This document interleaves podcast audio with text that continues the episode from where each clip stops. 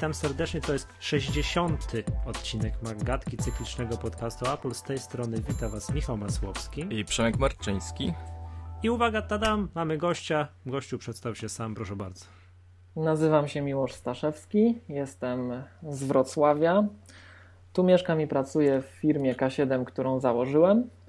E, firma zajmuje się pisaniem aplikacji na Maca, szkoleniem z Maca, wdrażaniem, integrowaniem, wszystkiego, co z Macami związane. Tu teraz duma we mnie, że powiem, rośnie, bo Miłosz jest moim byłym studentem. Tutaj można, tak zdradzimy wszystkim, taki mam oto zdolnych, y, zdolnych uczniów i my się poznaliśmy się tutaj, zdradzę z tej okazji, tutaj ostatnio bliżej, że y, Miłosz był autorem y, upgrade'u mojego komputera który w końcu frunie, znaczy w frunie, w końcu działa, może tak powiem, tak? Po 3,5 roku okazuje się, że, że, że Mac potrafi działać w miarę szybko i to może o tym, jak to się stało, to powiemy... Za chwilę. No to co, to możemy przejść do zasadniczych treści.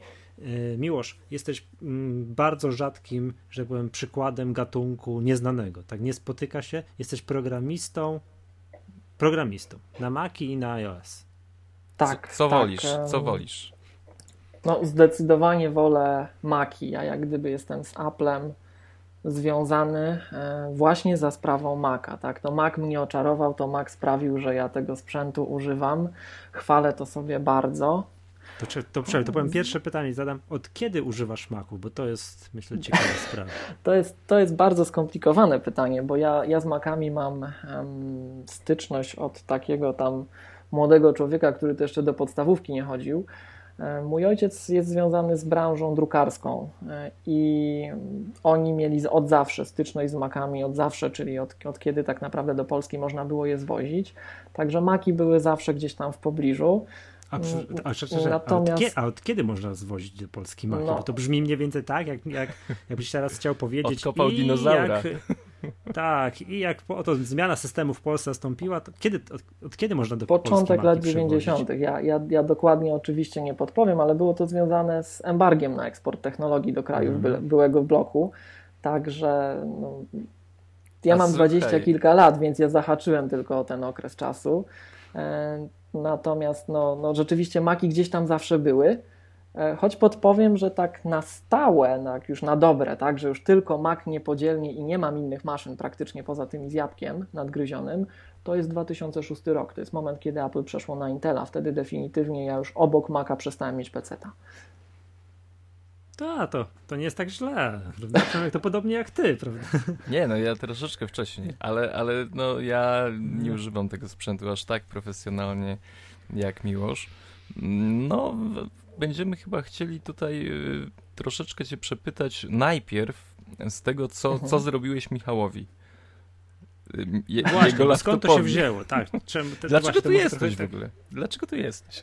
Jak to się stało? Właśnie o tym moim komputerze. No, to wszyscy wiedzą, tak? Ja mam komputer z połowy 2009 roku, który dzisiaj no, już jest, był troszeczkę wolny. Co mu zrobiliśmy? Znaczy jeszcze przypomnijmy, że, że Michał już kiedyś yy, aktualizował, próbował go aktualizować i... Tak, znaczy no, to czytelnicy mojego bloga to generalnie wiedzą, że ja kiedyś tam eksperymentowałem z dyskiem SSD, który, z tego eksperymentu już nie pamiętam dokładnie po dwóch, trzech miesiącach musiałem zrezygnować, gdyż ten dysk SSD mi się dwa razy z rzędu posypał. No i zasadniczo nie mogłem tego dłużej tego stanu dalej ciągnąć, no i aż, aż do teraz. Co, co zrobiliśmy i dlaczego znowu mogłem, mam znowu na komputerze dysk SSD?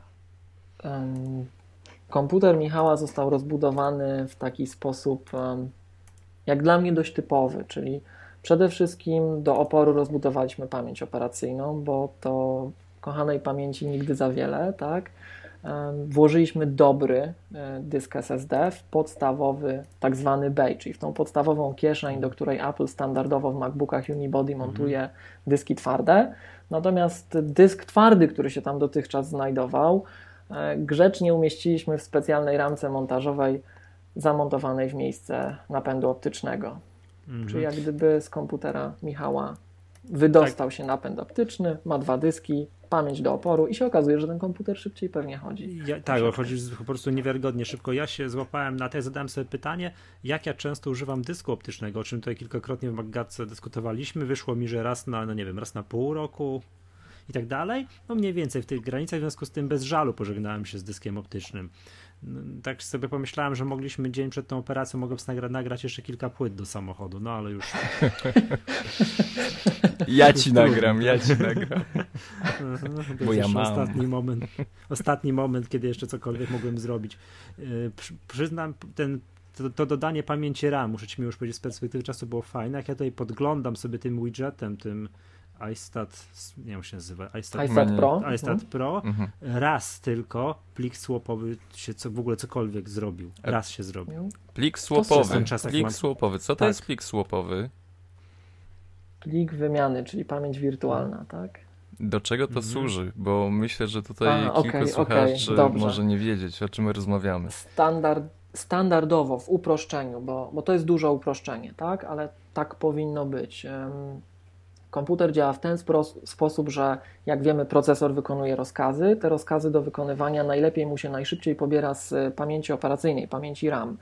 Także każdy program w miarę tego, jak jest uruchomiony i działa, potrzebuje odpowiednią ilość tej pamięci RAM. Oczywiście, jeżeli uruchamiamy więcej programów, no to przydałoby się więcej tej e, pamięci i użytkownicy Maców z dawnych lat, jeszcze z czasów przed OS 10, na pewno pamiętają straszne problemy z obsługą pamięci wirtualnej. A pamięć wirtualna to jest taki mechanizm, który włącza się, wkracza do gry w momencie, kiedy podstawowa ta pamięć RAM e, zamontowana w naszym komputerze okazuje się niewystarczająca. System operacyjny próbuje wówczas sobie poradzić i usuwa część nieprzydatnych danych. Tak powinno być. W pierwszej kolejności te dane, najmniej w danej chwili przydatne z pamięci operacyjnej, są wyrzucane na twardy dysk.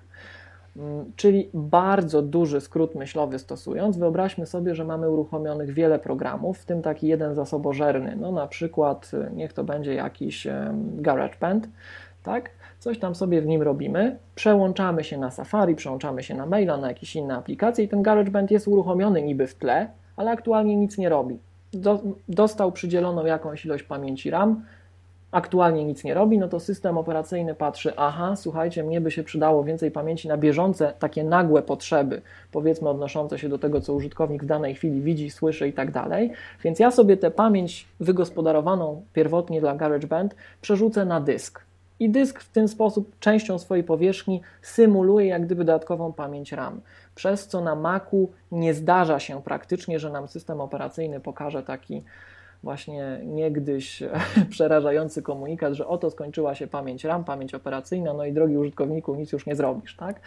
Mm, to bardzo przyspiesza działanie, bo e, różnica w responsywności, w tej prędkości odpowiedzi pomiędzy dyskiem twardym, czyli tym dyskiem mechanicznym, bo tak na ogół się e, używa zwrotu dysk twardy, a pamięcią RAM jest kolosalna. To jest dziesiątki tysięcy razy wolniej dla, dla takiego komputera. Więc jeżeli tylko zastąpimy tę pamięć wirtualną zwiększoną ilością pamięci operacyjnej i komputer będzie miał więcej miejsca na bieżącą pracę, to na ogół wyniki są spektakularne. Słuchaj, Natomiast po, powiedz... jeszcze na pewno wróci do nas ten temat z tym dyskiem. To no tak, a powiedz mi, czemu to, jest, czemu to jest takie ważne w przypadku dysku SSD? To jeszcze może jedna rzecz, tak. Hmm tak na chwilę, tak? E, bo tu widzę, że już powoli zaczynamy coraz bardziej, coraz dokładniej temat drążyć. E, to na pewno jeszcze wyniknie, tak przypuszczam, dzisiaj, jak będziemy sobie rozmawiać o rozmaitych sprzętach aplowskich. Mamy godzinkę, e, pamiętaj. Ale, nie, nie, ale, dobra, dobra, ale, mów, ale, mów. Kiedy używamy tej, kiedy trafiamy już na tę pamięć swap, tak, na tę pamięć wymiany, to tak jak powiedziałem, użytkownik to bardzo mocno czuje. Użytkownik to bardzo mocno czuje, każda operacja jest dużo wolniejsza, bo tak jak już wspomniałem, różnica w czasie odpowiedzi między dyskiem mechanicznym a pamięcią operacyjną, no to tak, to jest pewne uproszczenie, ale załóżmy, że to jest 1 do 10 tysięcy. To jest tego rodzaju przyspieszenie. I teraz, jeżeli my nawet wymienimy dysk mechaniczny na dysk SSD, który w pewien sposób jest po prostu też innego rodzaju pamięcią o zbliżonej konstrukcji, do pamięci RAM, to z tego 1 do 10 tysięcy robi się nam 1 do 10 albo 1 do 100, więc już jest dużo, dużo lepiej. To jest pierwszy taki wpływ dla użytkownika, kiedy przesiadamy się na e, dysk SSD w porównaniu do dysku mechanicznego i odnosząc to jak gdyby do tego, jak działa pamięć wirtualna. Natomiast jest jeszcze jeden taki mniej przyjemny z kolei dla użytkownika temat związany z pamięcią wirtualną i dyskami SSD, a mianowicie taki, że e, dyski SSD mają jakąś tam swoją żywotność, prawda? I no to, i tak, to tak, jest temat dość nagłaśniany w sieci, czasem, e, czasem słusznie, czasem nie. To już jest e, powiedzmy bardziej skomplikowana kwestia. Natomiast no, jest ileś możliwych zapisów, po jakich dysk SSD przestanie działać, a wcześniej jego wydajność zostanie ograniczona. Tak? I jeżeli my cały czas wjeżdżamy na, na ten dysk, czyli cały czas faktycznie na nim zapisujemy, pracujemy na nim, bo komputer bardzo intensywnie korzysta z pamięci wirtualnej, no to trochę, trochę, bar, trochę bardziej lub trochę mniej obniżamy żywotność tego dysku, świadomie lub nie. I są pewne konfiguracje, w których to mocniej się odczuwa, a Dobra. w innych nie. Bo rozumiem, że do tego, Michał, zmierzałeś tym pytaniem. Tak, tak, do tego zmierzałem, no bo teraz y, tutaj takie pytanie, bo już kiedyś rozmawiali, to. Mm,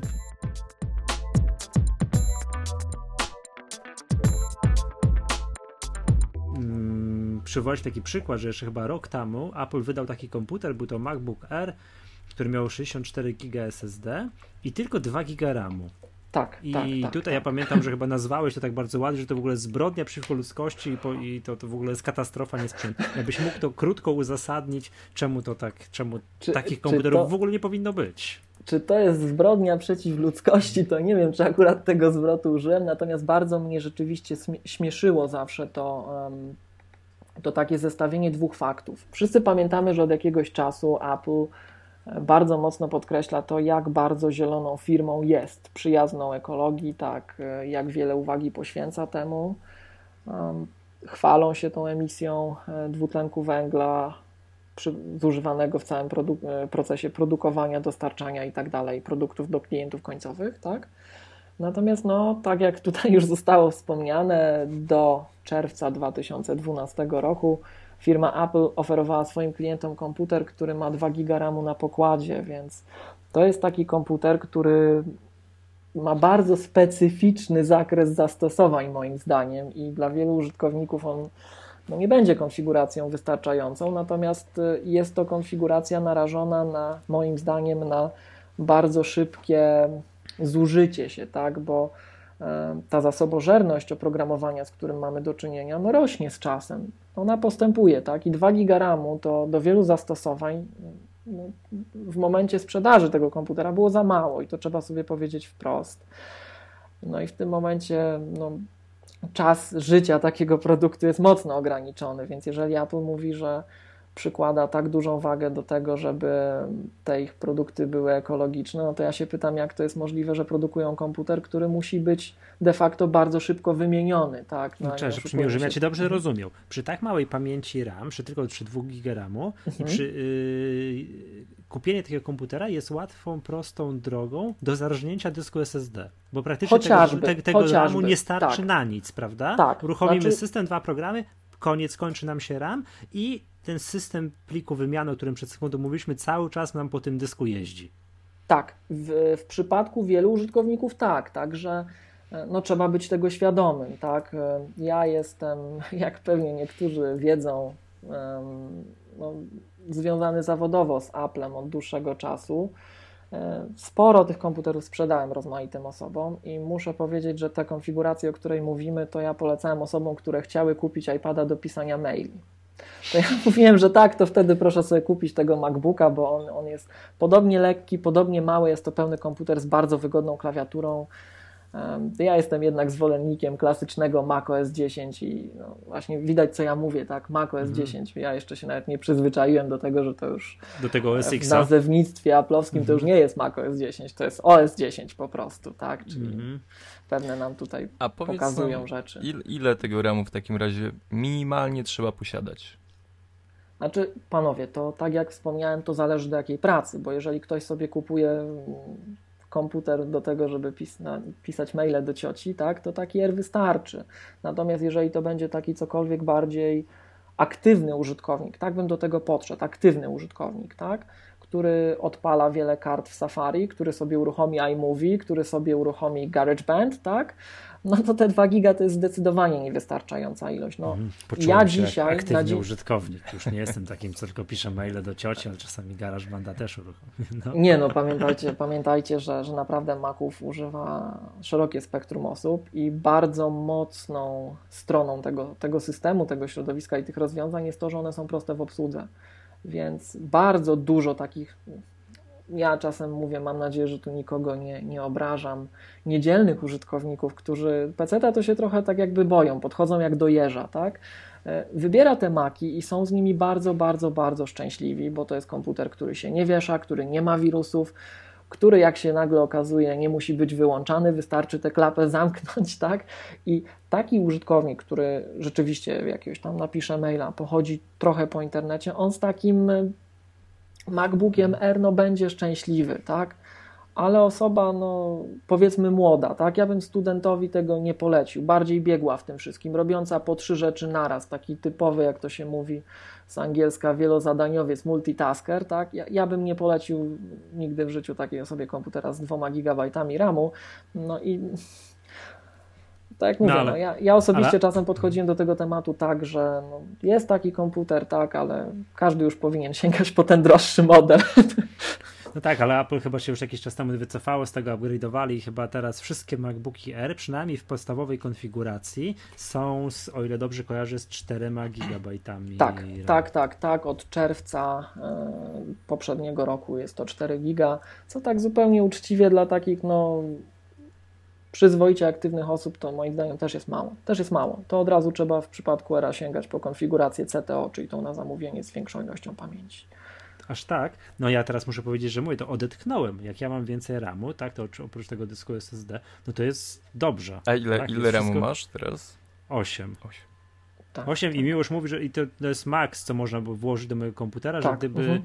można było 16, to trzeba byłoby 16 byśmy próbowali wkładać. No tak, bo ceny, ceny, ceny tych pamięci są przynajmniej na takim rynku zewnętrznym, tak? Niegdy to się zamawia bezpośrednio od Apple'a, bo tam rzeczywiście no, ceny są aplowskie. Mhm. Jest drobna różnica w tym, jak to się kupuje samemu takie pamięci. Oczywiście Apple twierdzi, że są to trochę inne jakościowo pamięci. No nie jest wysoka, no naprawdę nie ma sensu wkładać mniej, jeżeli za 100 zł więcej czy 200 zł więcej można mieć lepiej. Większy komfort pracy, szybciej, spokojniej spać, tak. No tak, tak, ale to bo jakby zamówić tak po cenach aplowskich, no to jest masakra, prawda? Jakby to się... jest troszeczkę, a, to jest dobra. troszeczkę. A powiedzmy jeszcze tak, jak już chcemy tak zamawiać tej pamięci do oporu, ile tam tylko chcemy, czemu do 13-calowych MacBooków Pro nie da rady przez stronę Apple'a zamówić więcej niż 8 GB RAMu? Bo Apple twierdzi, że się nie da. To, to jest konfiguracja niewspierana z większą ilością RAMu. Zresztą tak samo jak w 15-calowym MacBooku Pro Unibody, w tej starej obudowie. Mhm. To nie jest pytanie do mnie, myślę. Ale, ale Oficjalnie ale, jest to nie wspierane. Nie, dobra, nie da się, ale normalnie ty wkładasz, tak, dla swoich tam, nie wiem, klientów. Wszyscy, wszyscy moi pracownicy przede wszystkim i, i, tutaj osoby związane z K7 korzystają z takich maszyn, bo, bo przy tym, co my robimy na 8 GB to jest za mało. To jest za mało. My nie mhm. potrafimy mm. pracować przy takiej ilości pamięci. A. Także e, my wszyscy korzystamy z 16 GB i i trochę też dlatego preferujemy te komputery unibody niż, niż, niż, niż Retina, tak? bo tam to dopiero trzeba wysoką 15 kupić, żeby te 16 GB RAMu było. I to mhm. kolejny raz też jest dyskusyjne, tak? czy, czy to jest fajne, że kupujemy komputer za nie wiem ile tam teraz 15 po tych obniżkach podstawowa kosztuje, no ale w okolicach pewnie 10 tysięcy złotych brutto i mamy... Znaczy, przepraszam, podstawowa to kosztuje 7900, ale jak to wszystko tam dodamy, co mamy dodać, to będzie 10 coś. Aż tak, aż tak potaniała, tak? Bo, no bo ona się, po... Retina się zaczynała od, od 15, od 10 ponad. Tak, tak, przed obniżką, bo 10200 teraz jest 9500, a 15 no calowy w tej, tej, tej Unibody w tej starej obudowie no jest -huh. to 107, 7900, no ale to jest podstawa, prawda? Jakby tak, ale to, tam... to, to ja tu miałem na myśli retinę. No, wydajemy no, prawie 10 tysięcy złotych, tak? I dostajemy komputer, który ma 8 giga pamięci RAM w standardzie i co jest ważne w retinach, my tego nie jesteśmy w stanie rozbudować potem. I to właśnie, to też boli w erach, tak, że kupujemy komputer, który ma tyle pamięci i my nie jesteśmy w stanie tego rozbudować. No, kupiłeś użytkowniku takie kupiłeś, takie masz i do końca życia produktu musisz to używać. Czyli jeżeli w pewnym momencie e, tego używać, jeżeli w pewnym momencie stwierdzisz, że no, przestaje wystarczać, ten komputer Mhm. dostaje zadyszki, tak? No to musisz wymienić. I to jest ten, to I jest ten cały argument. komputer, a nie tak, tak, jak cały u mnie komputer. dołożyliśmy, dołożyliśmy ramu i jest wszystko dokładnie dobrze. tak, dokładnie tak. I to jest właśnie ten argument, który gdzieś tam mnie strasznie zjeżał, kiedy się pojawiał temat 2-gigabajtowego MacBooka Air, no bo to, no umówmy się, to nie jest zbyt ekologiczne, żeby w pewien sposób tego klienta zachęcać do szybszej wymiany sprzętu, tak? No bo komputer z 2 GB RAMu, no to nie oszukujmy się, zbyt długiego życia takiego tego produktu nie ma przed nim.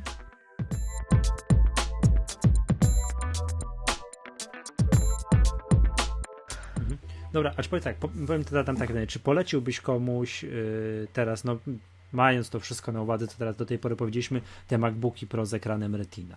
Mm, To zależy, to zależy. To ja tak ślepo powiedzieć to się nie da. To zawsze zależy od tego, czego klient potrzebuje. E, Zawsze są e, trzy takie cechy, które decydują o tym, co my proponujemy klientom, jeżeli my jesteśmy poproszeni o doradztwo w takiej kwestii. Tak? Pierwsza to jest to, do czego on będzie wykorzystywany, ten sprzęt. Druga to jest to, ile mamy pieniędzy. Tak? No. E, no bo to, to, to, to nam pozwala odpowiednio rozłożyć czasem akcenty. Em, No a trzecia sprawa to jest też, co, co jest dla nas istotne i to zarówno w tej kwestii komfortu pracy z maszyną, jak i tego, jak my chcemy te pieniądze wydać. Bo em, powiedzmy, jeżeli przyjdzie do mnie taki użytkownik, który zaczyna przygodę z Maciem, tak, Mhm. no i on, on przynajmniej tak twierdzi, że on robi takie typowe rzeczy. em, typowe, Czyli czyli, przegląda biuro, mail. internet, pisze coś właśnie w Wordzie, tak, tak, tak. Mhm. Nie chce za dużo wydać pieniążków, e, a na przykład istotnym dla niego jest to, żeby był komputer lekki, tak? Tak. No to ja pewnie będę tutaj kierował go tak w pierwszą stronę e, do MacBooka Air. Ale 8 jeżeli- giga RAMu trzeba włączyć, to już się zdążyłem to, nauczyć. to, to tak, to będę mu od razu Mhm. polecał, bo, no bo panowie, no spójrzmy na to, tak? Ja sobie teraz otworzyłem e, stronę firmy Apple, ten jej sklep internetowy, żeby, żeby konkretny przykład podać, tak? Wchodzę sobie na kup komputer Mac. Kup komputer Mac, niech mi się to szybciutko. Otworzy. przepraszam, bo nie usłyszałem, jakiej firmie robimy teraz y, reklamę? Firmie Apple. A, przepraszam, nie, nie, nie, nie Nie, nie, nie, jestem, jestem w Mhm. Apple Online Store. Okej. bo, bo to przez nich można Dobrze. zamawiać te konfiguracje CTO, prawda? Mhm. Myślę, że resellerzy nawet nie mają na stronach swoich e, tych konfiguracji na zamówienie. Tych naj, rozumiem No. CTO, czyli tych najwyższych takich, tych, Ko- tak? CTO to jest konfiguracja w tym takim żargonie sprzedażowym Configuration to Order, czyli konfiguracja Mhm. zbudowania na zamówienie. To są te wszystkie niestandardowe Mhm. e, nieproponowane Coś wie- jako domyślny rozumiem. model. Tak, tak. No i powiedzmy, że polecam klientowi 13-calowego MacBooka R, tak? Tak. Wydaje 5200 zł na starcie, na ten sprzęt. Tak. I teraz, jeżeli zechce dopłacić i, i zdecyduje się za moją namową na nabycie komputera z 8 GB RAMu, to zamiast 5200 200 zł zapłaci 5600 zł z hakiem, tak? 500, 5660, czyli no, relatywnie kilka procent dopłaca. To nie jest 10%, a wydłuża faktyczny czas życia i przydatności takiej fajnej tego produktu. Rozumiecie Mhm. mi o co chodzi? Tak. No, to, to jest jakaś tam niewielka dopłata, ale ten komputer no nie tylko jest szybszy, ale on będzie dłużej mu służył.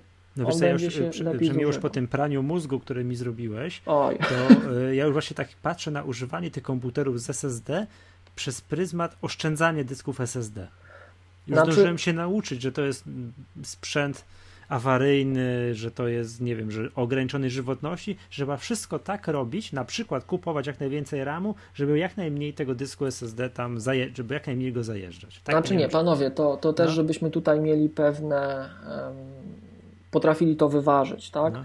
Dostępne na rynku dyski SSD em, powiedziałbym, że są nierówne, tak? Mhm. I tutaj też trzeba odróżnić dwie sytuacje. Sytuację, kiedy my sami wkładamy dysk SSD, tak jak w Twoim przypadku, Michał, Mhm. do komputera, czyli świadomie to sami rozbudowujemy i mamy wpływ na to, jaki dysk dostaniemy, albo dostajemy dysk od Apple i nie mamy tak naprawdę wpływu na to, jaki dysk dostajemy. Apple twierdzi, że dostajemy dysk odpowiedni i tyle. To jest dysk dostarczony przez firmę Apple.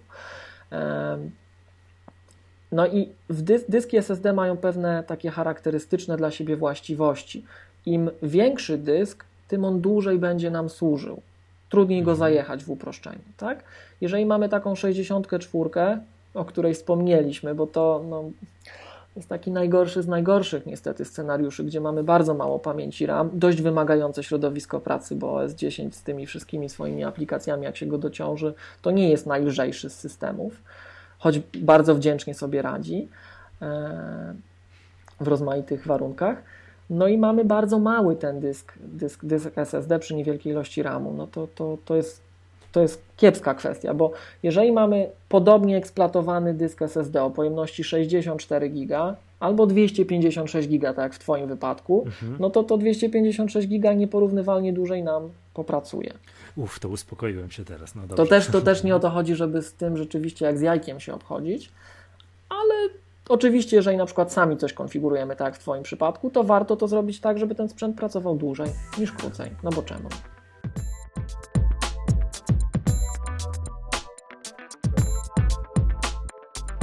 No wiadomo. Ale właśnie tak, słucham y, tutaj, że dysk y, nie wiadomo jaki, że dysk od Apple mm, i mhm. ciekawi mnie kwestia Maców Pro. Czy, czy w ogóle mhm. Apple mm, w, w twoim mniemaniu y, produkuje jeszcze sprzęty z tej najwyższej półki dla profesjonalistów? Może konkretnie o Macach Pro na przykład. Znaczy... Trzeba powiedzieć, co mi się też kojarzyło zawsze, że Apple to jest taka firma, że to sprzęty dla profesjonalistów. No ale tak. Hmm, no właśnie, ja też tak Pro, twierdzę. No ja rozumiem, ale to jest ten zapomniane Maki Pro, co to już tam, no ile to już te lat nie.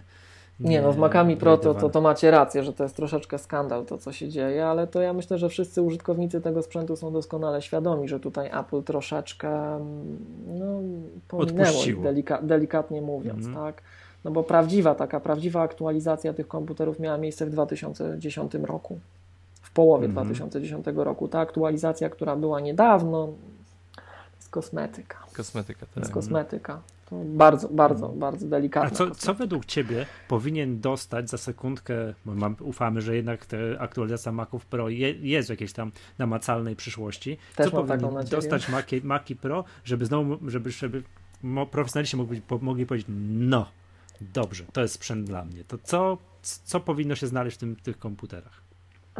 Wiecie, chłopaki, no profesjonaliści to jest bardzo szerokie spektrum, tak? Ja też nie chciałbym sobie tutaj, nie wiem, rościć pozycji osoby, która powie, że co, co moim zdaniem będzie dobre, to na pewno będzie właściwe i odpowiednie dla każdego. Ja mogę powiedzieć z perspektywy takiej osoby mającej podobne przypadki użycia tego sprzętu jak mhm. ja. No i mogę troszeczkę, jak gdyby tutaj z doświadczenia swoich klientów podpowiedzieć. No pierwsza rzecz, która mnie się nasuwa, jak o tym myślę, to jest to, o czym swego czasu powiedział Przemek bodajże, jak wy wspominaliście tam dwa czy trzy odcinki temu temat Maców Pro. Thunderbolt. Thunderbolt, tak? No bo takie rzeczy jak nowszy, zaktualizowany procesor, jak szybsza szyna tego wszystkiego, jak karta graficzna, to są oczywiste sprawy, tak? To tego chyba nie trzeba nikomu tłumaczyć. Natomiast to, czego brakuje w tej chwili w Macu, poza mocą, mhm. bo e, taką, taką odnoszącą się bezpośrednio do, do procesora właśnie, czy karty graficznej, to jest właśnie ten taki krwiobieg, tak? No to, to, że ten komputer nawet nie wiadomo jak szybki będąc, bo no obecne komputery tej serii Mac Pro to nie są słabe maszyny, tak relatywnie, no umówmy się, tak? To nie jest tak, że Mac, e, Mac Pro przegrywa, czy nawet jest w tej samej lidze sprzętu, co obecnym nawet MacBook Air, tak? Pomimo mhm. trzech lat nieodświeżania takiego solidnego. Um, ale ale wyobraźmy sobie taką sytuację, że nawet mamy nowy procesor, nową kartę graficzną, tak, to co jeszcze? No przede wszystkim ten Thunderbolt, przede wszystkim Thunderbolt, szybsze złącza i to zarówno te na zewnątrz widoczne, tak, bo Thunderbolt pewnie skasuje nam kilka różnych rzeczy, jak, jak Firewire zostanie zastąpione, mhm. E, Thunderbolt pewnie się pojawi zamiast tych, tych wyjść graficznych, tak, pewnie coś tam zostanie, ale, ale na pewno Thunderbolt się pojawi na karcie też. I tych Thunderboltów na pewno powinno być dużo w tych nowych maszynach. A USB 3.0. Ethernet. Zobaczymy, no albo będzie w stacjonarnym komputerze mają miejsce, albo rzeczywiście będzie to też po bolcie. Pewnie będzie Thunderbolt, pewnie będzie Ethernet, pewnie nawet nie no, jeden, tak? Nawet podejrzewam, jakiś, jak on miałby trochę inaczej wyglądać, to, to wciąż będzie duży komputer, to umówmy się na tak, takie tak, tak, pierdółki, jak tak. złączy Ethernet, to miejsce będzie. Tak, a, takie, takie rzeczy przejściówka, jak... jak taki... Apple lubi przejściówkę robić. tak, takie sprawy jak, jak e, USB 3.0, no, to się przydaje. No. Tu, tu, tu w tej chwili mamy do czynienia troszkę z taką sytuacją, jak w przypadku MacBooków R z 2010 roku. Tego wydania mhm. październik 2010 roku, co to część osób mówi już w tej nowej obudowie, prawda? Pierwsze mhm. rozdanie MacBooków R w nowej obudowie, pierwszy moment, kiedy na rynek trafił 11-calowy MacBook R, e, no to to była taka ciekawa sytuacja. I to jest pierwszy bo... moment, kiedy już y, ta pamięć zaczęła być już tam wbudowana w płytę. Tak, przylutowana. tak, tak, tak. Przylutowana, czyli zamontowana mhm. na stałe i, i, nie dało się z tym tematem nic robić.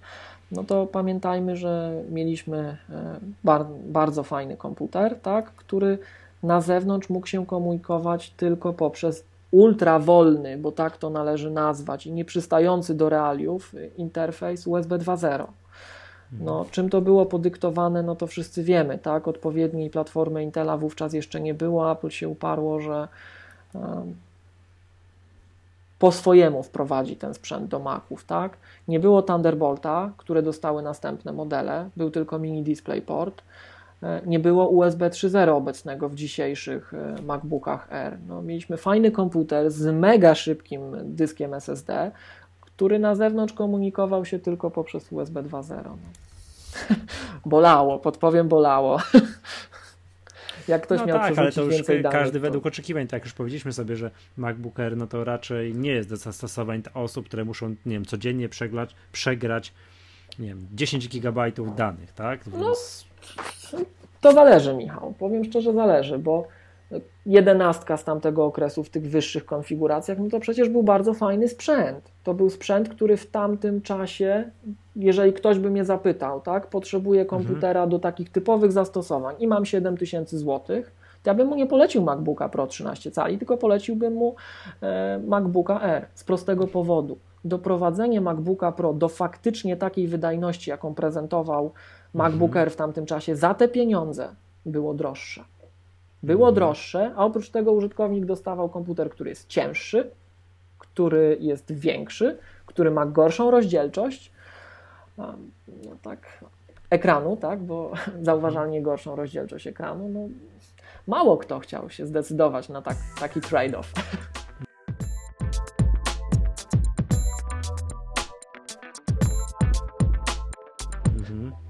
Dobrze, yy, Miłosz, a wyjaśnij mi może tak, mnie, powiedz, jakiego ty sprzętu używasz i jaki jest może charakter twojej pracy, że ty musisz posiadać, wiesz, the lightest, the greatest i w ogóle wszystko najdroższe, najlepsze i tak dalej. Znaczy ja może opowiem, jaki mam sprzęt hmm. najpierw, później, później powiem, czego używam, do czego i z jakiego powodu tak do końca. W tej chwili rozmawiam z Wami przez MacBooka Pro Unibody 15, najwyższy dostępny model z procesorem na zamówienie, e, matrycą matową o podwyższonej rozdzielczości. To jest dla mnie bardzo ważna rzecz. Ci, co mnie znają osobiście, to wiedzą, że na punkcie ekranów i klawiatur to mhm. ja mam, mówiąc kolokwialnie, prawdziwego fioła. Jest to dla mnie bardzo istotna kwestia. Ja za dużo się na to wszystko gapię w ciągu dnia i za dużo z tym pracuję. Znaczy, po, przepraszam, powiedzenie, że masz fioła na punkcie ekranów to jest mało powiedziane, bo ty zdaje się, o ile dobrze pamiętam, masz yy, Apple Cinema Display, trzy sztuki, z czego dwa są pudełka, leżą spakowane, jakby się ten pierwszy zepsuł, prawda? Jeszcze z Nie, matowej tak, edycji. Trochę wiem, tak naprawdę mam pięć, z czego trzy są w jednym miejscu, tak? A mhm. dwa jeszcze gdzieś. Ale to fakt, tak, tak. Jak ma Apple wymieniało, wymieniało Cinemy, to kupiłem na półkę nauczone matowe, doświadczenie. Matowe, matowe bo, tak, bo tak, wchodziły tak. błyszczące. Tak, Kiedy to, Apple dobrze się rozumiemy. Apple LED Cinema Display, czyli już ten według nowego mhm. wzornictwa ze szklaną powłoką ekran i zastępowało 20, 23 i 30 calowe. 30 calowe mhm. nie od razu, ale, ale te matowe e, cinemy, to tak, ja wcześniej długo nosząc się z zamiarem kupna takich matryc, bo zawsze gdzieś tam był matowy MacBook Pro, więc to mnie aż tak nie bolało i zawsze spoglądałem na te, na te matryce tak, że no, kiedyś sobie kupię, natomiast jak Apple przestało dostarczać, to trzeba było natychmiast zareagować i rzeczywiście kupiłem na półkę, tak? A później jeszcze po drodze, jak któryś z klientów gdzieś miał i, i chciał nie wyprzedać. Jeden, to... tylko kilka. To nie, jest... to kupi... wtedy kupiłem dwa takie monitory, a w międzyczasie, jak nasi klienci jeszcze gdzieś wymieniali ten sprzęt, to ja bardzo chętnie skupowałem, tak? I w tej chwili jestem posiadaczem pięciu, tak? Także tak to wygląda. No to już wiecie, że mam monitor, tak? Mam tak, monitor, tak, czasem pięć. dwa przy MacBooku. E, taki, ale to faktycznie na biurku. Mam jeden, czasem dwa. Um, oprócz tego mówię do Was w tej chwili właśnie z tej e, matowej 15 Unibody, która ma 16 GB RAMu, e, pomimo tego, że Apple twierdzi, że się nie da. E, mhm. 500 gigabajtowy twardy dysk SSD i do tego jako drugi dysk terabajtowy dysk mechaniczny, czyli mamy 1,5 terabajta do pracy. No tak, można no się i już, no, I już, tak, to jest pierwszy komputer. To jest, to jest taki mój, e, mówiąc brzydko, wół roboczy, tak? To jest komputer, na który ja wiem, że ja mogę wrzucić wszystko, co w danej chwili potrzebuję i on to pociągnie. I ja nie będę czekał, bo mój czas zasadniczo jest droższy niż, niż, niż koszt tego sprzętu. E, jako drugą maszynę w tej chwili mam MacBooka Pro 13 cali Retina. Mhm. E, to jest podstawowy model z kolei.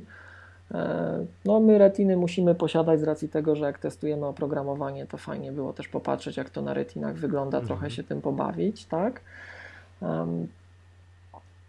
I ten komputer mam od niedawna. On zastąpił mi 11-calowego MacBooka R w tej wersji też CTO z rozbudowaną pamięcią, dyskiem SSD na zamówienie i procesorem na zamówienie. E, no bo pamięć to wiadomo, tak, no musi być no z 4 GB to tak już znacie moje poglądy na ten temat. Dysk SSD, no 128, no też troszeczkę mało, chociaż teraz, tak jak mówię, na, w 13 retinie musi mi wystarczyć przez jakiś czas.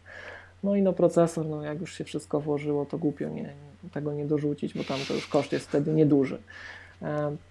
To to jest to z komputerów. Z urządzeń przenośnych no mam oczywiście dużego i małego iPada i iPhone'a 5. I teraz dlaczego tak dużo? No my poza tym, że programujemy, e, szkolimy ludzi, i e, świadczymy też usługi odpłatnego, mm, odpłatnego wsparcia. I zdarza się tak, że no, ja muszę szybko odpowiedzieć na jakieś pytanie dotyczące tego czy tamtego modelu, czasem jakiegoś dziwnego zachowania. Ja mam taką zasadę, że ja muszę mieć ten sprzęt. Ja muszę ten sprzęt mieć i muszę wiedzieć, e, jakie on ma słabe i mocne strony, bo no wielu rzeczy się nie dowie, tak? Po prostu się nie dowie, czytając parametry techniczne tylko i wyłącznie na Apple.com, czy, czy oglądając to gdzieś tam od czasu do czasu u znajomych, czy, czy w mhm. sklepie, tak? Więc staram się pracować z bieżącymi modelami, jak Apple wymienia, to ja też się staram wymienić, no. Czasem się to udaje, Dobrze, nie na ogół się już, udaje. Ale jak już tak, jak już wszyscy y, słuchacze Magatki osunęli się z, z fotela, że tak powiem, zazdrości. I chcą być twoimi kolegami. I tak, chcą być Taka właśnie, praca. Tak?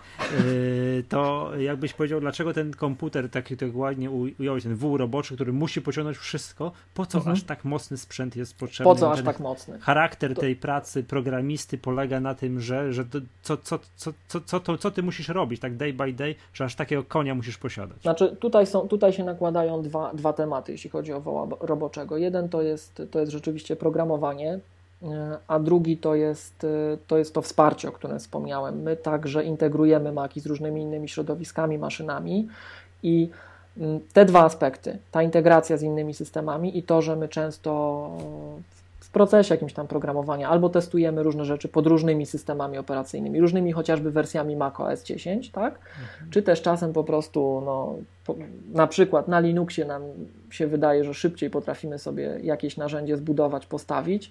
Pracujemy bardzo intensywnie z maszynami wirtualnymi. Ja średnio na tym wole roboczym mam odpalone trzy systemy, tak?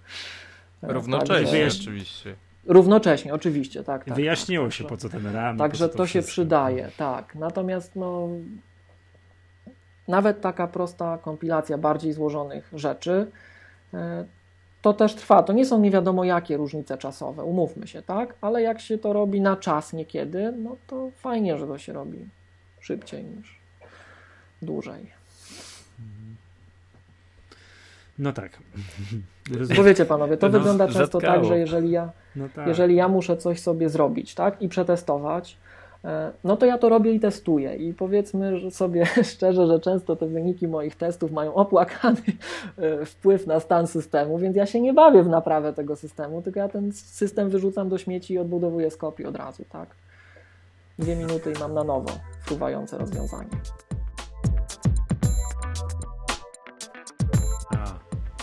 To słuchaj, to, to jak już tak patrzymy z zazdrością na ten sprzęt, to może poradzisz nam, mm, jak można w cudowny sposób ożywić, nie wiem, właśnie takiego starego MacBooka Pro chociażby.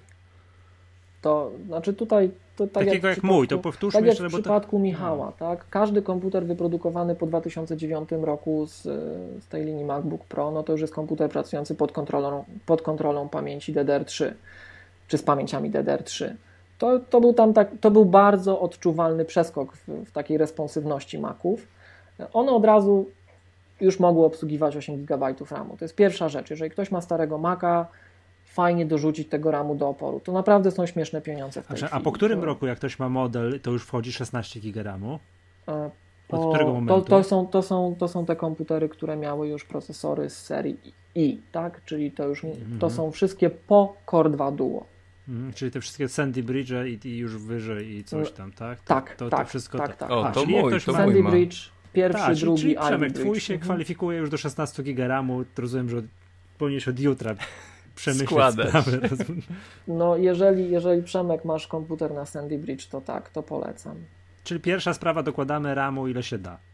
Druga rzecz dzisiaj, no, No. To, to, to, to już jest tak powszechnie znany fakt, tak, że kto wkłada dysk SSD, ten zyskuje najwięcej, bo dyski twarde to był dotychczas taki najbardziej ograniczający element tych komputerów, najbardziej zapychający je. I tak jak powiedziałem, w responsywności to nie jest przyrost rzędu, nie wiem, 5 razy, 10 razy, to idzie w set razy, a nawet tysiące razy, bo często takim popełnianym błędem w ocenie ludzkiej, jeśli chodzi o takiej powszechnej ocenie e, ludzkiej, jeśli chodzi o, o, te, o te różnice w wydajności dysków SSD, no to co robi typowy użytkownik? Bierze, wchodzi sobie na sieć, tak, patrzy na jakieś tam wyniki, e, osiągi tych dysków i widzi tabelkę, w której nagle czyta, że dobry dysk SSD w tej chwili wyciąga 500 MB na sekundę e, odczytu zapisu, tak?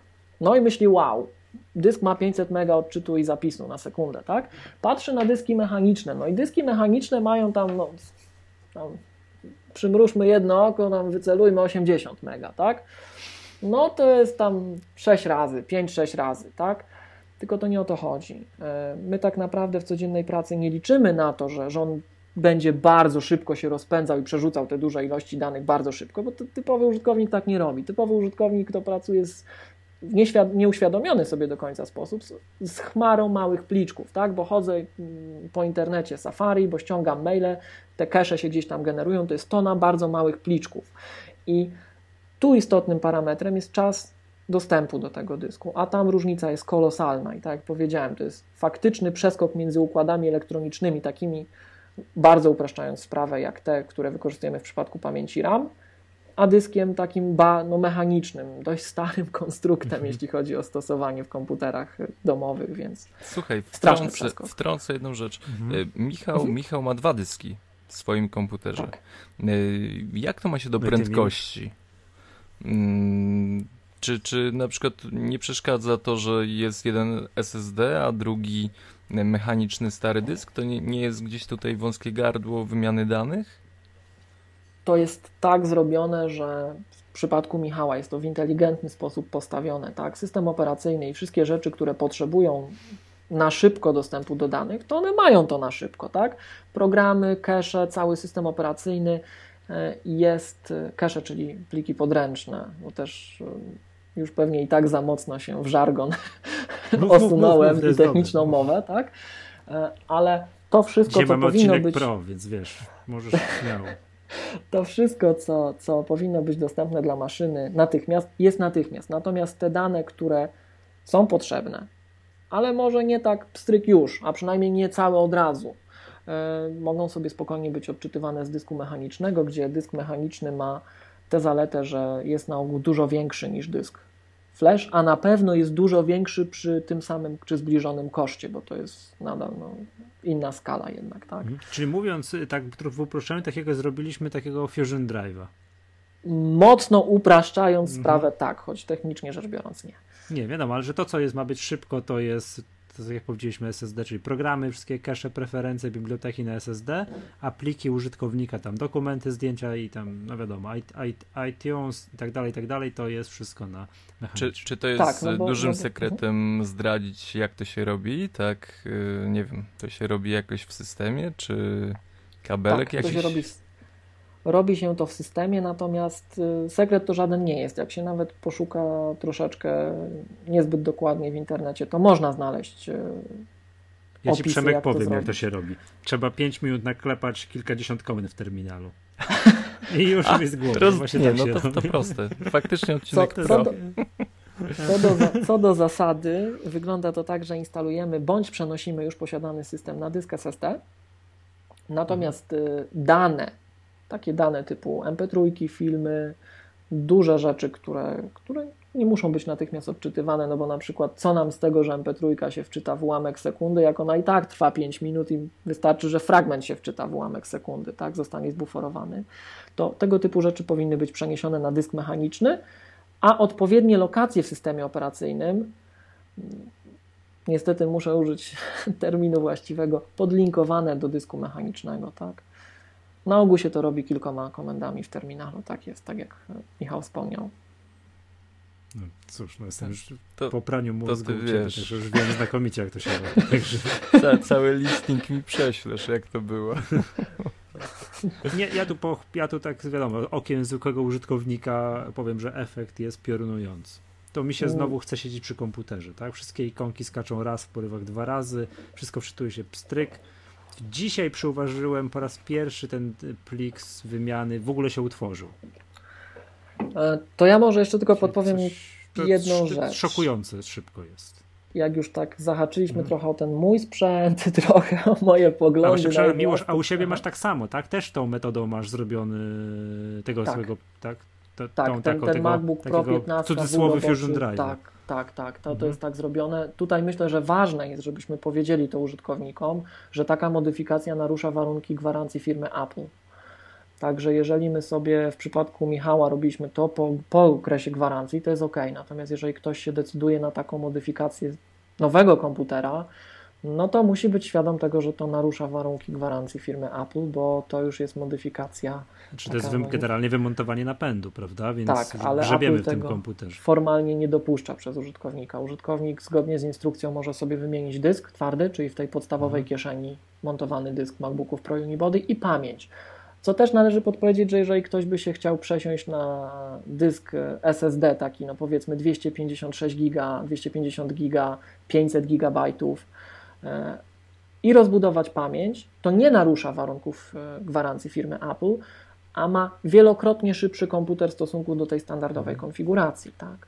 I pamiętajmy też jeszcze o jednej rzeczy, że można sobie zamówić komputer Unibody w takiej konfiguracji od Apple, chociaż na ogół wyjdzie ciut drożej, no i nie będziemy mieli opcji 16 GB, bo Apple tego nie dopuszcza tylko do 8. Jak, jak można, przepraszam, tę najwyższą 15 można tak zamówić? Można zamówić z 8 GB RAMu i dyskiem ja SSD. Tak, tak, tak. Chyba ale z SSD, ale z tym takim podwójnym dyskiem? Nie, takim... nie, tylko z pojedynczym nie. dyskiem. A właśnie, bo, bo Michał no. y, ma właśnie ten zwykły dysk i dysk SSD w miejsce y, napędu CD. Optycznego. Od, odwrotnie.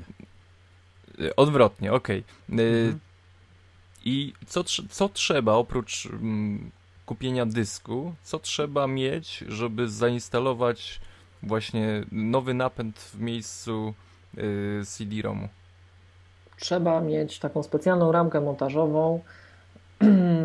To jest dostępne, można to kupić tak, w, w firmach zajmujących się um, oferowaniem akcesoriów do Maców no, są lepsze i gorsze ramki, mówię to z doświadczenia, tak? Bo jak, jak sam się zabierałem za te swoje maszyny, te mocne maszyny, zrobiłem taki eksperyment. Kupiłem wszędzie, gdzie się udało znaleźć to w internecie. Zamówiłem z wielu różnych państw te ramki i powiem szczerze, no, wyniki były porażające. Większość oczywiście była ściągana z Chin. E, dwie albo trzy przyjechały z Europy. E, no a pozostałe ze Stanów, tak? I powiem szczerze, jest taka jedna firma, którą ja, ja polecam, OWC, Mm, oni mają taki produkt o nazwie Data Doubler. Wychodzi to drogo, od razu mówię, że wychodzi to drogo, bo to wychodzi, Oj, drogo, jak sobie drogo. przeliczymy na złotówki, e, tam jeszcze tło jak nam dorzucą, bo to różnie bywa, koło, po, powyżej 300 zł na ogół, tak? To jest 350 zł, gdzieś mniej więcej te pieniążki, mhm. E, więc jest to kawałek, kawałek grosza, tak? Ale mm, Powiem uczciwie, jeżeli ktoś kupuje taki sprzęt, no, jakim tu mówimy, czyli wysoką konfigurację, no, powiedzmy, wydał na komputer 10 tysięcy złotych i, i zobaczy, jak są wykonane te, te ramki z Chin, a to są, krótko mówiąc, odpady z produkcji napędów optycznych z wyciętym miejscem na dysk, bo to tak faktycznie wygląda, to widać, że to jest taka typowa maskownica od napędu optycznego, tylko z wyciętym e, miejscem na montaż dysku twardego i Zajrzymy do środka, jak wyglądają te takie miejsca wpinane w kontroler, bo tam jest kawałek jakiejś płytki drukowanej z, z jakimiś elementami elektronicznymi. To strach to wkładać do komputera za takie pieniądze, więc gorąco polecam tutaj Data Doubler. Nigdy nas nie zawiódł. Wiesz co, to wszystko, co tak mówisz, to mnie trochę strasznie niepokoi pod względem przyszłości. Bo teraz te komputery, temu stara bryła Unibody po prostu jest dostępna. Mhm. Można kupić sobie tak, taki tak, komputer, tak. taką piętnastkę w najwyższej konfiguracji, rozbudować, pozmieniać dyski, dołożyć pamięci, no wszystko to można zrobić. Albo zrobić tak jak ja, nie wiem, komputer 3,5 roku był no, wolny, teraz po pewnym czasie dobra, rozbudowujemy, przyspieszamy, wszystko jest możliwe. Przyjdzie taki moment, nie wiem za ile od dzisiaj, za pół roku, za rok, że wszystkie komputery od Apple będą komputerami takimi, jak teraz są te MacBooki Pro z Retiną. Czyli nie zrobisz tam nic. Mm, no. Może tak, tak być. To wygląda. Tak to wygląda. Firma no, e ekologiczna. My, my, z tego względu e, preferujemy do, do takich naszych prac MacBooki Pro Unibody i też mamy te piętnastki w zapasie, tak? Bo, bo wiemy, że, wiemy, że to już no. niedługo potrwa niestety. Nie, czyli de facto jak ktoś chciałby sobie kupić taki komputer, to musi przyczaić, oczywiście to nigdy z Apple to nigdy nie wiadomo, ostatni moment, kiedy one jeszcze będą, kupić najwyższą tak. konfigurację, rozbudować i mieć, i, i, mieć jak najdłużej. Znaczy tutaj, tutaj polecam zwrócić uwagę na pewien, na pewien szczegół związany z zamawianiem tych komputerów. Te komputery nie są dostępne standardowo od ręki u resellerów w większości wypadków. Czyli jeżeli byłoby tak, że Apple jutro ogłosi, że zmienia no, no. linię i ktoś nie zamówi tego dzisiaj, to już nie kupi tego komputera. Tak, no tak, tak. tak bo tak, to tak, są tak. konfiguracje budowane na zamówienie i jeżeli chciałby na przykład taki z matowym ekranem, tak, to jest no, to, co, z podwyższą to, co... to tego nie kupisz tak normalnie w iSpocie, w Cortlandzie i tak dalej, nie ma e, szans. To, to, to jest akurat to, co mnie w pierwszej chwili do 15 w ogóle kierowało, tak, bo no, ja lubię te matowe ekrany, bardzo je lubię i przyjemnie mi się z tym pracuje. Ja ciężko znoszę pracę na tych szkłach e, ze standardowego unibody, bo, bo na przykład z retiną to jest już zupełnie inny, inny komfort pracy. Tam jest ta szyba nalepiana, ten poziom refleksu jest zauważalnie, zauważalnie niższy. Także tam jest to troszkę inaczej, ale, ale matowe komputery lubię i jeżeli byśmy teraz nie kupili, no to w momencie zmiany już jest za późno, tak? Należy o tym pamiętać. Ja ci powiem tak, zaszczepiłeś mi taką myśl, jak już to wszystko sobie uświadomiłem, że jak znikną te komputery w starej obudowie Unibody, staną to tylko takie te, te cieńsze, nowocześniejsze, że tak naprawdę to, cośmy rozmawiali kiedyś u ciebie, że troszkę tak Apple zamknie się na ten rynek takich już super pro-userów, którzy już potrafią takie rzeczy robić, rozbudować i przede wszystkim potrzebują takiego bardzo, bardzo mocnego sprzętu. Koniec. Kupisz sobie, możesz wtedy już wydać tak najdroższy możliwy komputer, no i tam z tym ekranem retina, tym, tym wszystkim tam wlutowanym, przespawanym i koniec, nie rozbudujesz tego, nie wiem, za rok, za dwa, za trzy lata. Masakra. Znaczy, panowie, ja tutaj bym chciał też na, na jeszcze jedną rzecz zwrócić uwagę, no. bo to jest pewien, to jest, to jest, za, to jest pewien trade-off, pewna wymiana, jeżeli my się decydujemy na takie coś, mhm. tak? Um, nie wiem, czy zauważyliście to, ale ta bolesna dla niektórych teraz obniżka cen MacBooków Pro, szczególnie jak ktoś przed zmianą kupił komputer, to mi już A dla innych ile, bardzo... ile, dni, ile dni przed obniżką cen kupiłeś swój komputer? Ja kupiłem dzień przed zmianą. To zastrzelił, poszedł, i, poszedł i zastrzelił. No, so, nie, no sorry, po, współczujemy ci tutaj. I, i wszyscy słuchacze Magatki też powiem, ci współczują.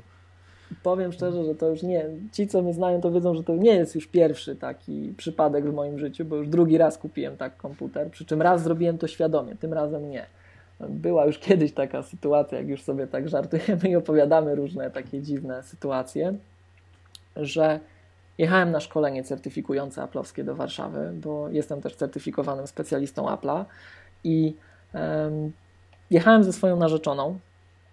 E, ona miała 15-calowego MacBooka Pro oczywiście. Ja miałem 15-calowego MacBooka Pro, no ale no, było narzekanie, że przydałoby się coś mniejszego, a ja wtedy jeszcze, to były czasy białych MacBooków, wpadłem mhm. na taki rewolucyjny pomysł, że podmienię sobie w białym MacBooku matrycę na matową. Mhm. Była szansa, że takie coś się uda przeprowadzić. Ostatecznie się nie udało, ale była, była szansa i z, z pełną świadomością tego faktu, że, e, że ja kupuję ten komputer, żeby dokonać modyfikacji, ja stracę tą gwarancję, tak? A przy okazji na te kilka dni wyjazdu będziemy mieli trzynastkę. Kupiłem 13-calowego e, MacBooka, wiedząc, no przeczuwając, czując pismo nosem, że się pojawi nowa linia. I rzeczywiście to tak śmiesznie wyszło, bo te szkolenia certyfikujące aplowskie są kilkudniowe. One trwają kilka dni. Siedzimy po pierwszym dniu szkoleń w hotelu, jest wieczór, tak? E, to był jeden dzień albo dwa dni po zakupie. I przychodzi, przychodzi SMS od moich kolegów, którzy też oczywiście się zajmują makami. Spójrz na Apple.com. No. Także e, zdarzają się takie wypadki, zdarzają, ale no tutaj to zabolało, tak? Dzień przed zmianą. No tak, tak. I nie wiedziałem. Natomiast do czego zmierzałem? Do czego zmierzałem? To odświeżenie to nie tylko był spadek cen. Apple położyło inaczej akcenty. Przed tą zmianą można było kupić dokładnie takiego samego MacBooka Pro Unibody, jak MacBooka Pro Retina. Czyli jeżeli ja podchodzę do tematu w taki sposób, że pieniądze dla mnie nie grają roli, tak? Ja chcę sobie kupić MacBooka Pro 15 cali e, w najwyższej możliwej konfiguracji wydajnościowej, a przy okazji fajnie by było, gdyby on był rozbudowywalny, gdyby to było stare, dobre Unibody, to mogłem to zrobić. W tej chwili razem z tym przesunięciem cen przesunięto trochę Aha. akcenty. MacBook Pro Unibody nie został e, delikatnie podbity, natomiast e, Retinom zaproponowano jeszcze mocniejszy procesor niż to było przed tą obniżką cen. To są kosmetyczne zmiany, to jest 100 MHz więcej e, tym, na tym podstawowym zegarze, ale fakt faktem, że od tej zmiany już MacBook Pro 15 Unibody jest o te 100 MHz w najwyższej konfiguracji słabszy, jeżeli zamawiamy Mówimy tu i tu. O tej najwyższej Pro. wersji? Tak, więc, więc to już jest takie przesunięcie akcentów, które być może powinno nam coś powiedzieć. No tak, tak. Tu jest najwyższa możliwa konfiguracja, to można kupić i 7,28 GHz. A dla zwykłej 15 jest to 2,7. I 2, przed tą zmianą cen y, obydwie linie, z tego co pamiętam, miały 2,7. Tak, bo to porównywaliśmy i doszliśmy do wniosku, że no w zasadzie mamy to samo, tak, tylko rozbudowywalne i idziemy w unibody. Mm -hmm, Natomiast dlaczego o tym też mówię? Bo mm, to jest zawsze pewna wymiana i my musimy to robić y, z pełną świadomością tego, tego co robimy. Tak? Teraz należy się, no myślę, niedługo spodziewać na przestrzeni kilku najbliższych tygodni, jak miałbym gdzieś tam się we wróżkę troszkę pobawić, myślę miesiąc, dwa, odświeżenia MacBooków, bo wchodzi nowa architektura Haswell. Intela, Haswell, dokładnie tak. I um, to będzie ten duży przeskok Intela. To będzie nowa architektura, ona powinna przynieść zauważalny wzrost wydajności.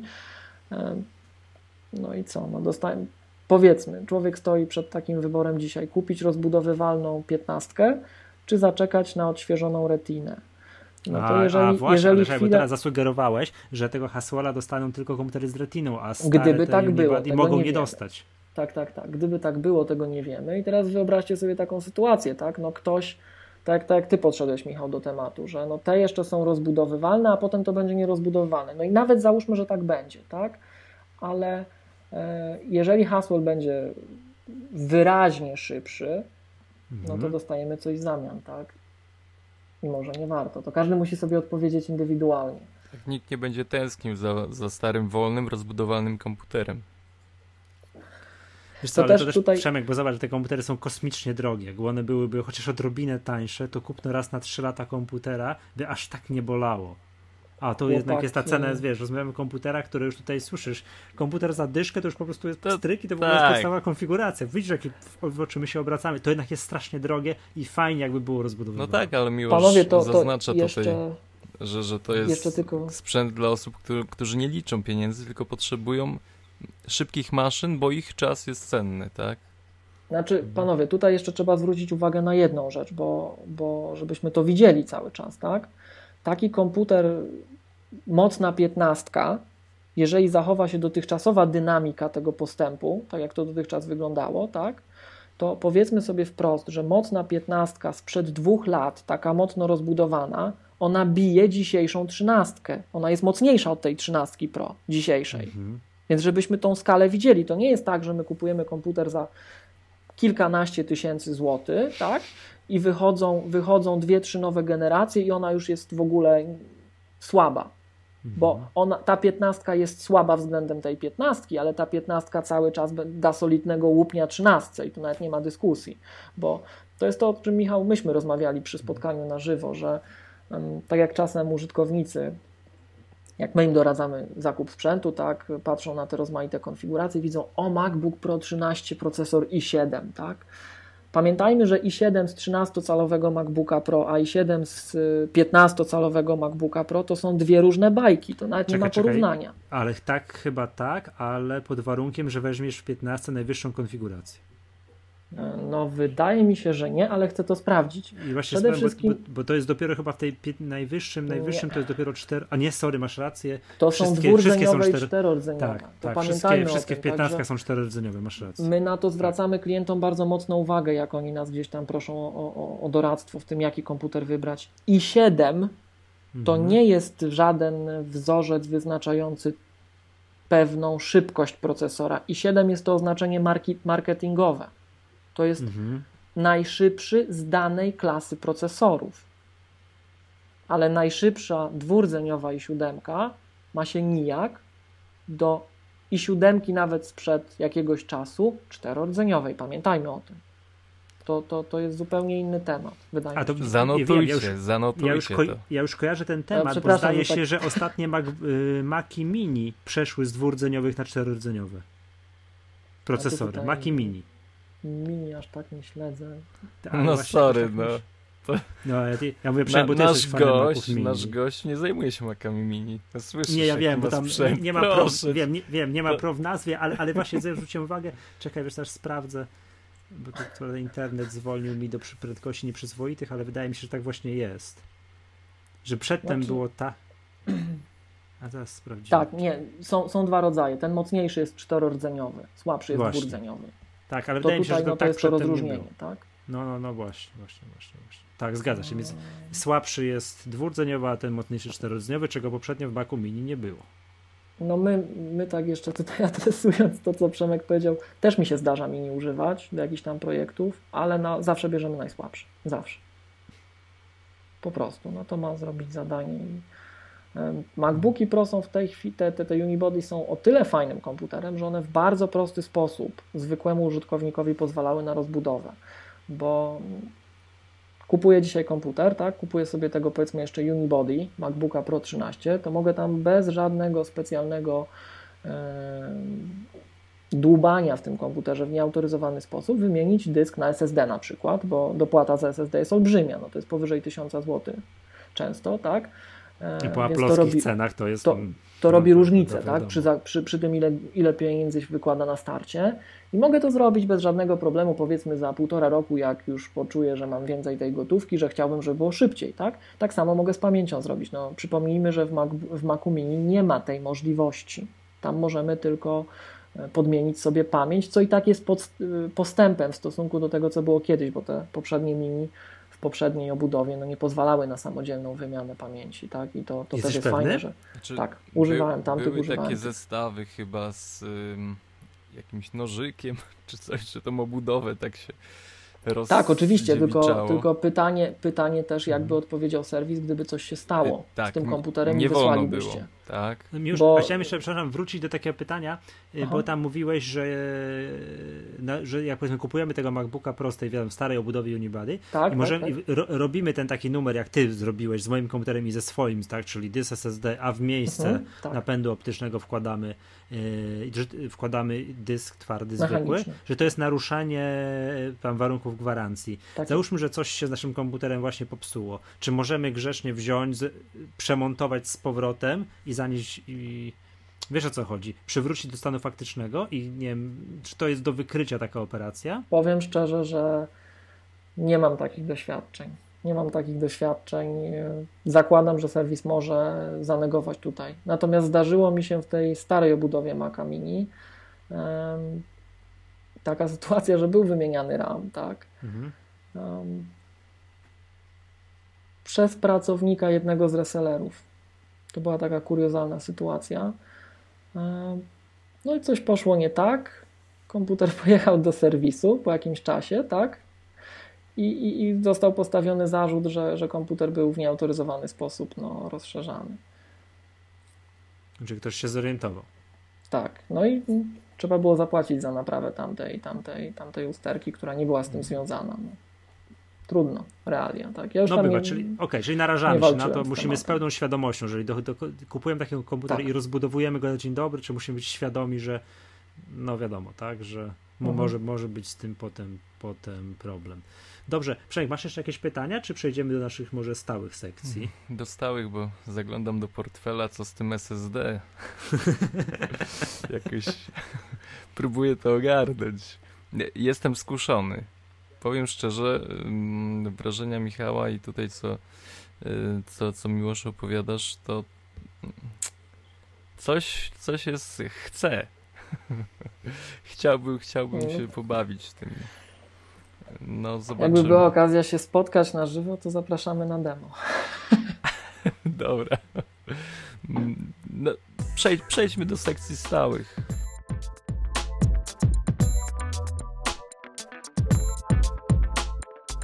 Tak, y, sekcje stałe y, w odcinkach, w których mamy zaproszonych gości są dla nas luksusowe, ponieważ wszystko od początku do końca załatwia gość, a więc mamy aplikacja tygodnia na OS X, która w tym tygodniu jest, to słuchamy, proszę bardzo. Miłosz. No ja bym chciał polecić jako was. aplikację tygodnia na OS 10 Parallelsa. Zapewne wielu użytkownikom doskonale znanego jest to e, rozwiązanie umożliwiające uruchamianie na Macu wielu systemów operacyjnych. Przepraszam, jest to, że, przepraszam, jest to żelazny program, który występuje we wszystkich możliwych paczkach oprogramowania. Tak jest, tak jest mhm. i e, ja o nim wspominam z racji tego, że zdecydowana większość użytkowników Maców w naszym kraju to są osoby, które przesiadają się z PC.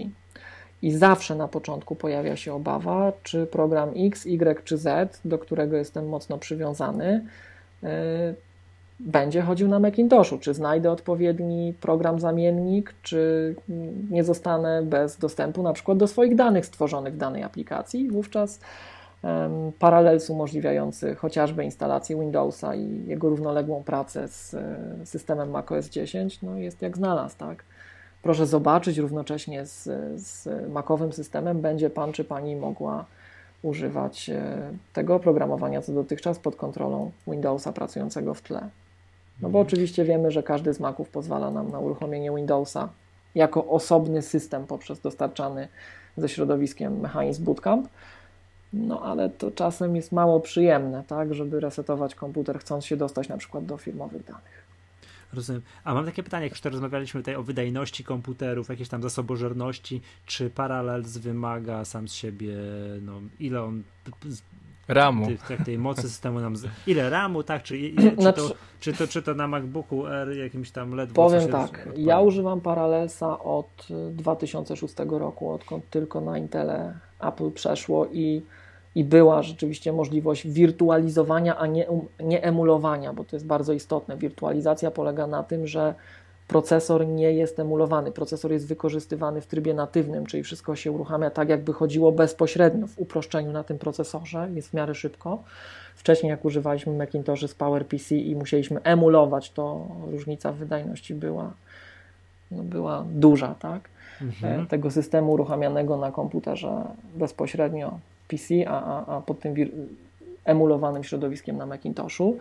Mm, także trzeba mieć rzeczywiście dużo RAMu, żeby każdy z tych systemów miał, miał tego RAMu pod dostatkiem. Tak? Jeżeli na przykład, nie wiem, mamy w komputerze 4 GB RAMu, bo kupiliśmy taką podstawową konfigurację jakiegoś MacBooka Air, no to warto pamiętać, że ten zwirtualizowany system fajnie, żeby nie miał za dużo tej pamięci, czyli ograniczyć go tam powiedzmy do gigabajta RAMu. Ale dla jego dobrze potrzeb. pamiętam, to Parallels ma takie możliwości programowe, że można mu tam Tak, tak, suwaczkiem tak, pstryk, oczywiście, tak? oczywiście. I, I zadać, ile on maksymalnie może wykorzystywać. No bo nie fajnie by było, żeby każda taka operacja w tym wirtualnym systemie nam po słapie jeździła chociażby, tak? o czym już dzisiaj mówiliśmy. No, jeżeli tego nawet nie będzie tak czuć, bo mamy dysk SSD i on, bar- on niweluje percepcyjnie ten, ten efekt, no to, to nie jest fajne tak na dłuższą metę. Natomiast y, Parallels przyda się także osobom, które na przykład tak jak my chcą testować pod macOS 10 em, rozmaite rzeczy, bo przypomnijmy, że od wersji poprzedniej systemu operacyjnego Apple'a także te klienckie systemy OS 10, e, czyli Lion i Mountain Lion mogą być bez problemu wirtualizowane, czyli jeżeli ja pisząc na komputerze wyposażonym system 10.8 oprogramowanie chcę przetestować jego funkcjonowanie na poprzedniku, to sobie spokojnie uruchamiam go obok, testuję, czy jeżeli chcę na czystym 10.8 dziewiczym coś tam porzeźbić, też mogę sobie to uruchomić i to chodzi. Oprócz tego, co na Macach nie jest, że tak powiem, palące i naglące, e, możemy chociażby Linuxa uruchomić. To się też często przydaje deweloperom. No. Widzisz, Przemek, jakbyś chciał zostać deweloperem, to bez czterech uruchomionych paralelsów razem, to nie, nie podchodź w ogóle. Ale to, Znaczy, to jest siła to jest wygoda. OS X No. Maca, nie? To jest, Tak. to jest dla, dla tworzących y, aplikacje mm, możliwość na jednej maszynie przetestowania mm, swojego produktu na wielu systemach operacyjnych. To jest piękna rzecz. Tak, no, to jest temat na zupełnie inną rozmowę zapewne. Natomiast y, to jest to, pamiętajmy, co dzisiaj przyciąga OS, do OS 10 y, ludzi, że nawet nie tylko w maszynie wirtualnej te, te osoby, e, które przechodzą z innych systemów, mogą tych Unixowych, jak, jak właśnie, czy Unixo-podobnych, jak Linux czy BSD, bo pamiętajmy, że OS 10 jest systemem Unixowym, jest nawet od wersji 10.5 na procesorach Intel certyfikowanym systemem Unixowym spełniającym e, specyfikację SUS V3, także Apple się postarało pod tym względem już nawet o to, żeby wszystkie nalepki właściwe się znajdowały na, e, przy certyfikacjach rozmaitych i możemy bezpośrednio pod kontrolą Maca e, uruchamiać e, Unixowe narzędzia. Nie trzeba wirtualizować. Natomiast jest to wygodne, jeżeli, tak jak mówiłem, coś mieszamy tak, i chcemy szybko przywrócić środowisko do jego naturalnego. A, czy, a wracając do mojego pytania, czy Parallels jest bardzo zasobożernym programem? Jest na tyle zasobożerny, na ile zasobożerny jest ten system, który wirtualizujemy. Tak należy A. odpowiedzieć. Aha, No że tam pod spodem mieć, to, tak. co uruchomimy, jest tak. tam duże, tak, to też on sam z siebie spuchnie, tak? Dokładnie Ale- tak, Aha, dokładnie rozumiem. tak.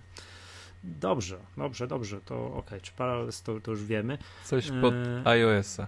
A coś właśnie, może Angry Birds albo nie wiem, coś, coś pod iOS.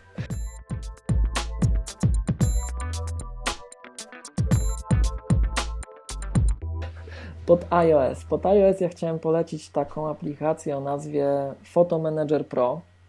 Jest to aplikacja, która umożliwia sprawne zarządzanie, katalogowanie i przerzucanie zdjęć e, z poziomu urządzenia iOS-owego na komputery.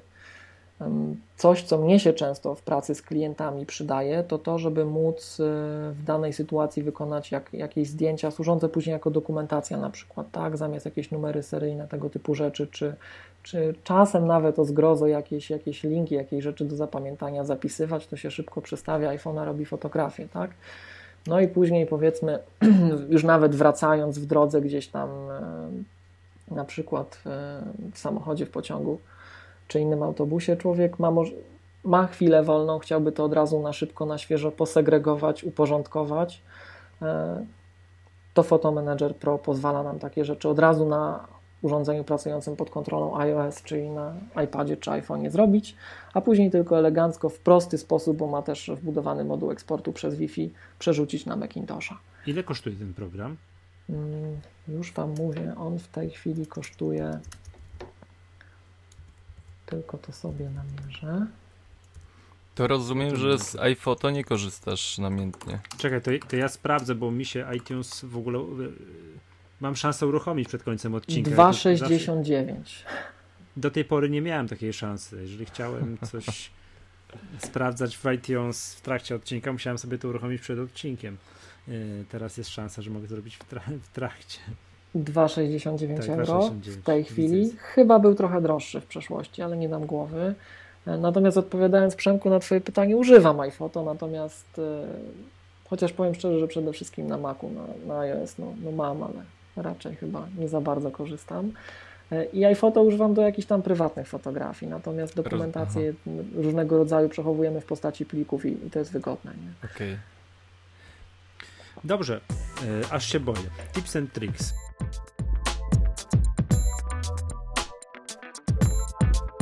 Właśnie, też się boję. Coś prostego. Dobrze, z, tips, z, tips and, z tips and tricks um, ja chciałem wskazać na taką możliwość, której długo sam nie byłem świadom, e, korzystania z systemowego słownika za pomocą Spotlighta.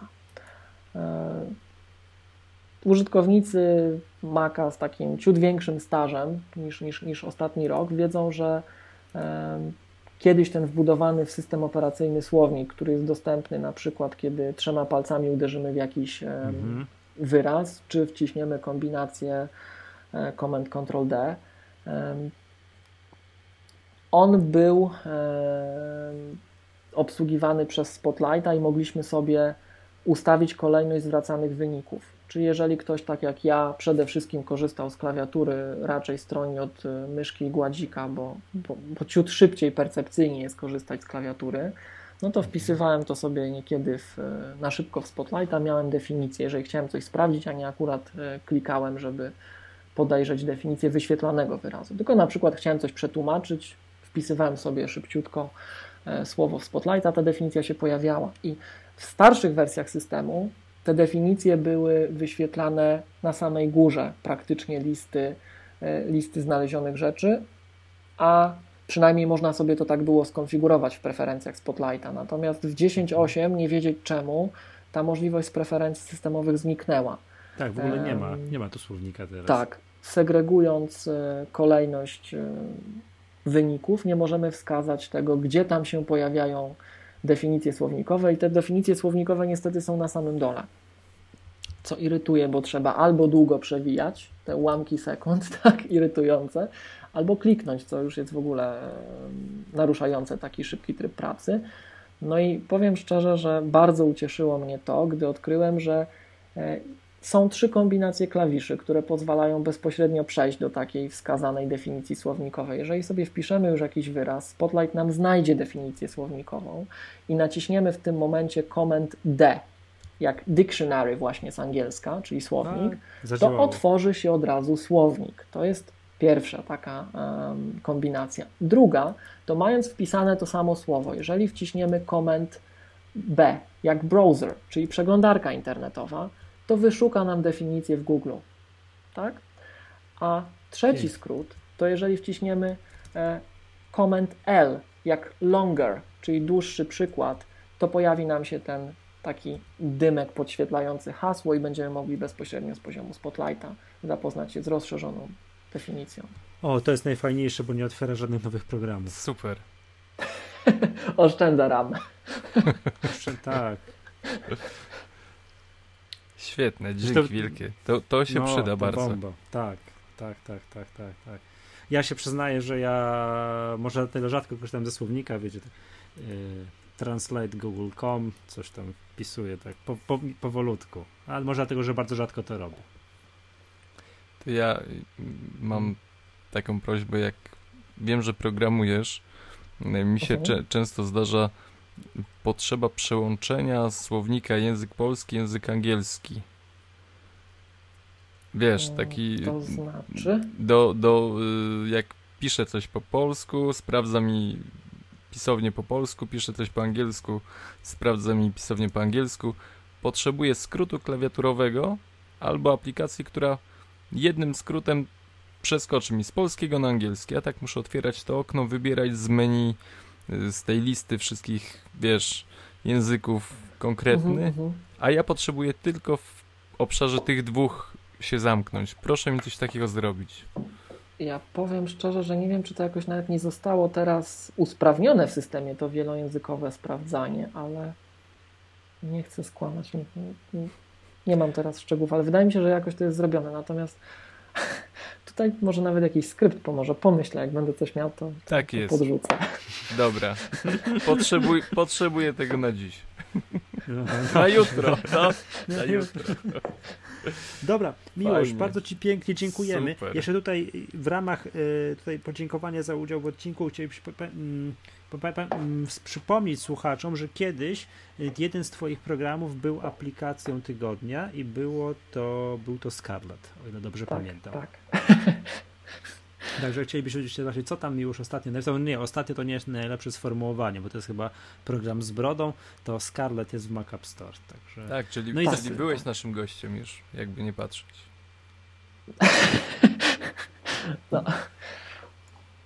Chętnie jeszcze się pojawię. Tak, bo zdaje się, że piszesz małe cudeńko, to jak już to cudeńko e, no skończysz pisać i już tam do, do, do Mac App Store e, zgłosisz, to, to, to, to, to wpada i będzie i, i wtedy my jako zawodowi recenzenci Aplikacji. oprogramowania aplikacji poznęcamy się nad tobą. Tak. Także Dobrze, z miłą chęcią. Dziękuję również Dob- za zaproszenie. Dobrze. Było bardzo miło. Dobrze, serdecznie, serdecznie dziękuję. Jeszcze